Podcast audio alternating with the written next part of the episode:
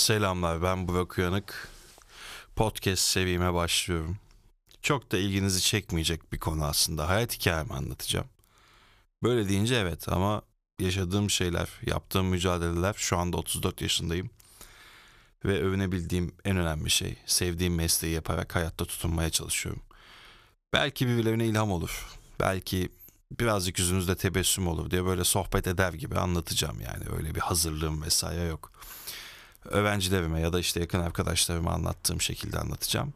Benimle ilgili detaylı bilgi öğrenmek isterseniz araştırabilirsiniz. Bu okuyanık yazınca her şey çıkıyor zaten Google'dan. Ama kısaca bahsedeyim. Ee, kendim şu anda öğretmenlik yapıyorum ve tiyatro ile ilgileniyorum. Bu kadar detay vereyim ki anlattıkça e, böyle hikaye gibi gideceğimden anlattıkça devamını dinleyip o serüvene kendinizi kaptırırsınız. İlk olarak lise döneminden başlamak istiyorum. Çünkü lise sonda hayalim olan konservatuar sınavlarına girmek istiyorum. Müzik bölümüne yazmak istiyorum. Neden müzik? Çünkü babam müzisyen ve müzisyen bir ailede büyümek, işte ünlülerle büyümek, onların e, müziğe olan aşklarını görmek ve kendilerini ifade ediş biçimlerinin müzik olduğunu görmek insana etkiliyor. Dünyanın en güçlü insanı olarak kendini anlatan birinin bile müziğe ihtiyacı olduğunu gördüğümde diyorum ki evet ya müzik güçlü bir silah yani. Ve ben de müzik istiyorum. Kendimi anlatmak istiyorum, ifade etmek istiyorum. Bunu da tabii ki gitar çalarak yapacağımı düşünüyorum. O zaman okuduğum lisede hiç gitar çalan erkek yok. Gitar çalan erkeklere de kötü gözle, tuhaf gözle bakılıyor. Evet İstanbul'da bir lise yani. Yanlış anlamayın. Herhangi bir yerde değil yani. İstanbul'da yaşanan bir şey bu. İnanılmaz bir akran zorbalığının olduğu bir lisede e, eğitimimi gördüm. Her neyse onları da anlatırız. Lisanları da çok. Ben direkt şu hayaller mevzuna geleyim. Çünkü bugünkü başlığımız e, sevdiğin işi yapmak. Hayaline ulaşabilmek. Ya da işte onun köşesinden kıyısından bir yere tutunabilmek gibi bir şey. Ben konservatuara hazırlanmak istiyorum. Lise son sınıftayım. Dershaneye gidiyorum. Okulda notlarım çok kötü ama dershanede çok iyiyim. E, hatta derece sınıfında olduğum zamanlarda olmuştur. Sonra bir bölüm değişikliği vesaire yaptım. Daha rahat edeyim çünkü okulda geçebilmem imkansızdı. Bazı öğretmenlerimiz sağ olsunlar e, diğer fedakar öğretmenlerimize göre farklı şeylerin peşindelerdi. E, onu da başka bir zaman anlatırım. O da çok garip hikayeler. Ama çok iyi öğretmenlerim de vardı. Ve e, bu lise döneminde istediğim şey müzik okumak. Nasıl yapacağım bunu? Dershaneden zaman kalmıyor çalışmaya. Bunu aileye açma zamanı. Ya diyeceksiniz ki işte baban müzisyenmiş. Anlayışta karşılamadılar mı? Yok kardeşim. Daha kötü. Nasıl daha kötü? Çünkü sıkıntı çekmiş, görmüş yani o sıkıntıyı. Aynısını senin çekmeni bir şekilde istemiyor. E ne yapacaksın? İkna etmeye çalışacaksın, iletişim kuracaksın. E çok zor kavgalar, dövüşler, şunlar bunlar. Ben sınava girdim, kötü bir puan aldım lisede. Ve ne yaptım? Dedim ki ben konservatuar okumak istiyorum. Zaten barajı geçmem yetiyor. Ben tamamen buna odaklanacağım. Hani o zamanki sınavdaki motivasyonum da çok düşük olduğu için kötü bir puan yaptım. Belki o kadar kötü puan yapmazdım gerçekten konsantre girseydim eğer. Ama giremedim. Sonrasında sene 2000 e, kaç oluyor? 2007'de ben 8'de liseyi bitirdim. 2009-2010 yılları arasında geçen bir hikaye. Tabii ki şimdiki gibi değil. İnternetin çok geliştiği bir dönem değil. Ama yok da değil internet tabii ki. Ee, sosyal medya biraz daha işte Instagram vesaire fotoğraf paylaşılmak için bulunan bir yer 2010'da hani bir şeyler çekeyim işte müzik müziğimi göstereyim falan kendimi anlatayım e, düşüncesi de yok. Tamamen konservatuar odaklı. Orayı kazanarak bir şeyler yapabileceğimi düşündüğüm bir nokta. Neyse e, işte ben konservatuar sınavına nasıl hazırlanacağım? Yazın bir iş buldum kendime. Özel bir kolejde. E, çok da bilindik bir kolej şu anda. Piyasada çok ünlü bir kolej. Onun yaz e, çalışması oluyordu. Yani velileri arıyorsunuz. Önünüze datalar geliyor. O dataları arıyorsunuz. Diyorsunuz ki öğrenciniz bu sene sınava girmiş. Ve e, biz de o öğrencinizi okulda görmek isteriz diyoruz. İşte şu kadar burs seviyoruz vesaire. Öğrenciyi anlatıyoruz. Bir de bir programları vardı. Hiçbir şekilde anlamadığım bir e, staj programı. E, bize öyle bir anlattırıyorlar ki baktığında staj yani hiçbir artısı yok. Onu biz de çok abartılı anlatmamızı isteyerek e, ve öğrencileri kayıt etmemizi istiyorlardı. Bunun karşılığında da bir maaş vardı. Artı her öğrenci için de bir çeyrek altın hediyesi vardı. E böyle olunca tabii inanılmaz şekilde arama yapıyorsun. Günde 100 kişi falan arıyordum ben.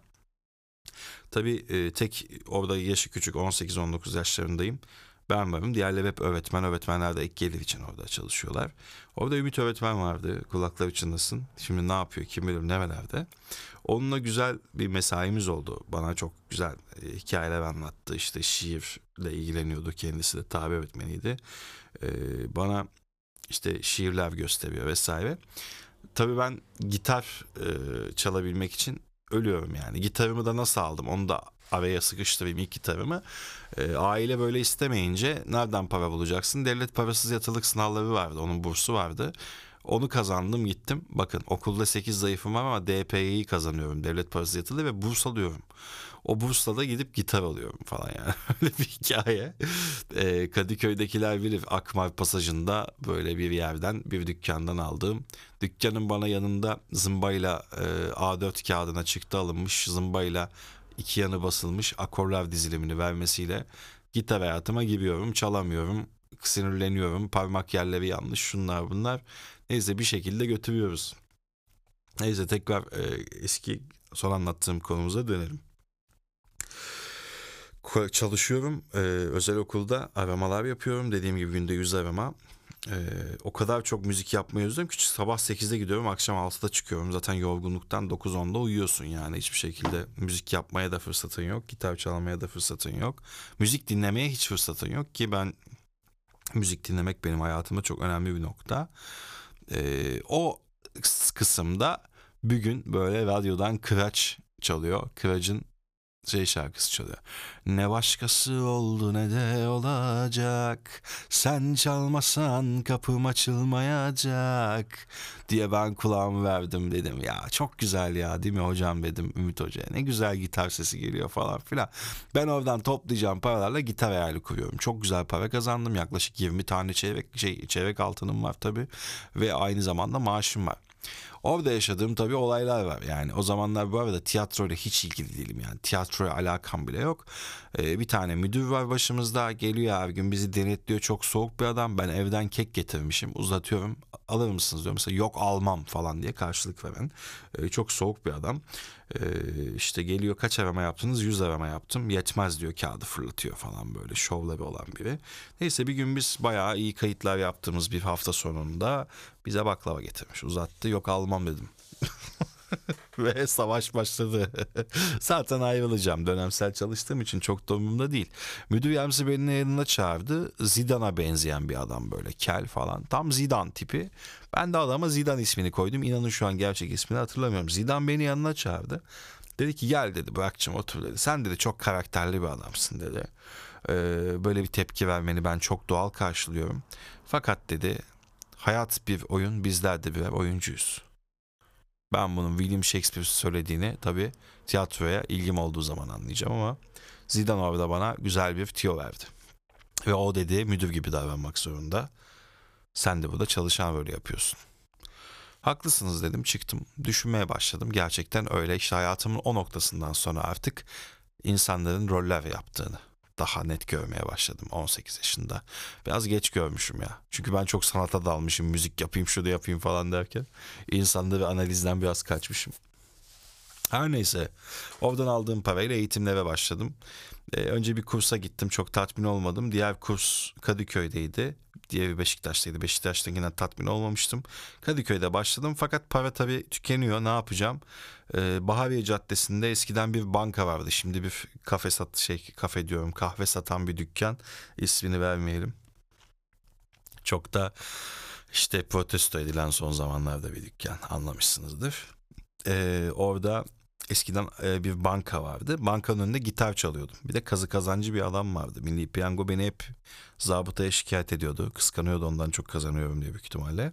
Neyse o günlerden bir tanesinde ben çaldım. Hemen onun karşı sokağındaki sanat merkezine ders alacağım. Sayın hocam orada beni bekliyorlar. İçeri girdim. Yukarı çıktım. Hoca dedi ki ya dedi bütün gün kafam şişti burada bir gitar çalıyorlar devamlı dedi. Halbuki bilmiyordu ki iki saat önce orada ben gitar çalıyordum. Öyle bir durum işte. Sonra neyse ben sınava çalışmaya devam ettim. Ee, bir ücretsiz kurs buldum belediyeye ait. Ona da başladım. Oradaki hocamdan da özel dersler almaya başladım. Yalnız kendisinin bana hiç inancı yoktu. Hiçbir şekilde kazanacağımı düşünmüyordu. Benim hedefim olan Marmara Üniversitesi müzik bölümünün sınavlarına girdim. O sınavlarda dikte bölümünü geçtikten sonra aradım kendisine dedim ki ben dikteyi geçtim. Dikte de şu hemen açıklayalım. Duyduğunuz notayı, melodiyi notaya dökmek, kağıda nota üzerine dökmek zor bir şey yani. Kazandığına emin misin iyi baktın mı diye tepki vermişti bana. Sonrasında ben Kocaeli Güzel Sanatları kazandım. Ee, Güzel Sanatlar Müzik Koleji bölümünü kazandım. Yedeklerdeydim. ikinci yedektim. Her türlü girecektim yani. Sıramı bekliyordum. Fakat o sırada kafamda bir şeyler uçuşmaya başladı. Dedim ki ben müziği zaten yapıyorum bir şekilde. Dedim sinema nasıl olur? Radyo nasıl olur? Bu sırada da annemin beni zorla ite kaka gönderdiği sınavda radyo televizyon e, programcılığını %100 bursla kazandım İstanbul Aydın Üniversitesi'nde. Ve dikey geçişte de dedim ki sinema okurum. Şimdi burada bir hayat beni bir şey etti. Acaba sinema mı okumalıyım yani radyo televizyon sinema mı okumalıyım? Yoksa hiç bunları takmayıp ya ben gideyim müzik okuyayım da Kocaeli'de sonra bakarız mı demeliyim. İşte tam burada karar aşamasındayım. Bir gece yarısı yazlıktayız. Kalbimin içerisinde bir bomba patladı sanki. Göğüs kafesim sıkıştı, nefes alamadım. Kalktım, baktım, tuvalete gittim. Tuvalette bir anda kendimi yerde buldum.